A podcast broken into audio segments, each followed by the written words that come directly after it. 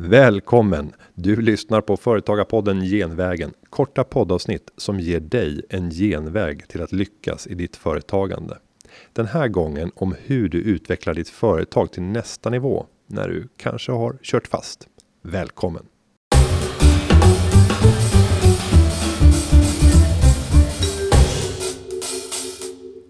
Har du drivit företag med stor passion och börjar uppleva svårigheter? Kanske funderar du över nästa steg. Har du svårt att hitta medarbetare eller saknar tydliga mål? I det här avsnittet av Företagarpodden Genvägen ska jag ge tips hur du kan agera för att ta dig igenom en barriär och ta dig till nästa nivå. Företagande kan ibland liknas vid dataspel med olika banor och bossar som man måste slå. Problemet är att du ofta inte vet när du nått en ny nivå eller måste slå nästa boss. Det vill säga att ta dig igenom en svår utmaning som hotar och kanske är avgörande för bolagets framtid. Alla företag går igenom flera förutsägbara faser. Du börjar med din idé och din problemlösning. En tjänst eller en produkt som kan hjälpa dina kunder till framgång på ett sätt så att de gärna betalar dig för dina insatser. Sen kanske du har en eller flera medgrundare.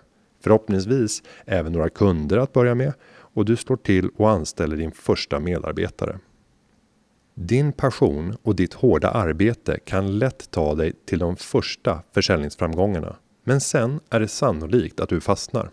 Du har klarat av en boss och tagit dig till en ny, svårare nivå.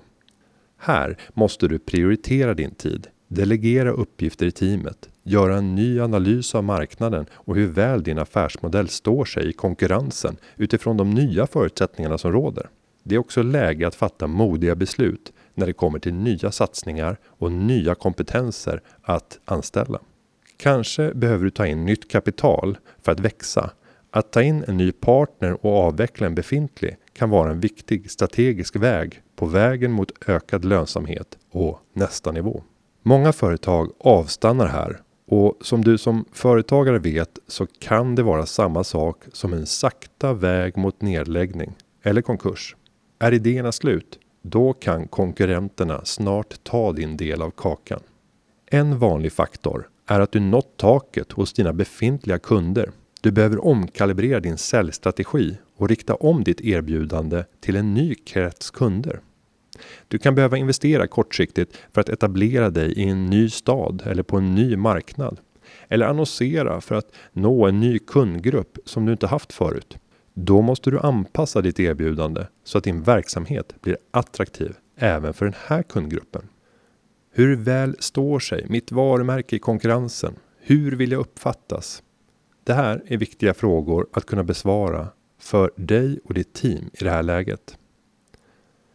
Är alla era timmar belagda och lönsamheten har slutat öka? Fundera på hur du kan ta mer betalt för dina tjänster på ett sätt så att kunderna kommer att se värdet. Se över vilka mertjänster ni kan erbjuda utan att överbelasta er. Här finns nyckeln till att kunna komma ut ur tillväxtbarriären. När du hittat ett nytt erbjudande inom ditt befintliga område som hjälper dina kunder avsevärt mycket mer så kommer de och nya kunder gärna att betala för det här. Specialisera dig. I ett litet team kan alla göra allt. Men ska du knäcka större problem krävs specialister. Här måste du renodla rollerna så att rätt person gör rätt sak och kan koncentrera sig på de områden där de verkligen gör nytta för kunden och för företaget. Då stärker du samtidigt kompetensen i ditt team. Här kan du behöva anställa erfarna medarbetare som kan ge ny kompetens till bolaget. Då kanske personaloptioner eller möjligheten att vara med på en ny resa är vad som behövs för att locka dem. Du behöver ha en skalbar process som täcker allt ifrån produktion till försäljning och leverans och kundvård där du som företagare inte längre är oumbärlig. Istället måste du bygga en process som andra kan utvecklas och verka inom och fatta egna beslut som i bästa fall är bättre än om du hade fattat besluten själv. Att växa är svårt när du optimerat framgången på din befintliga nivå. Här behöver du vara modig och göra en ordentlig framtidsplan.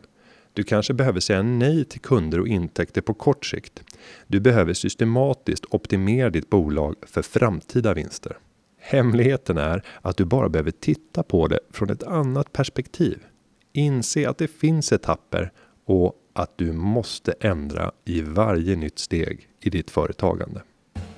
Fler tips på hur du utvecklar ditt företag, ja det finns på företagarna.se och i andra avsnitt av Företagarpodden. Där finns mängder med tips från framgångsrika företagare.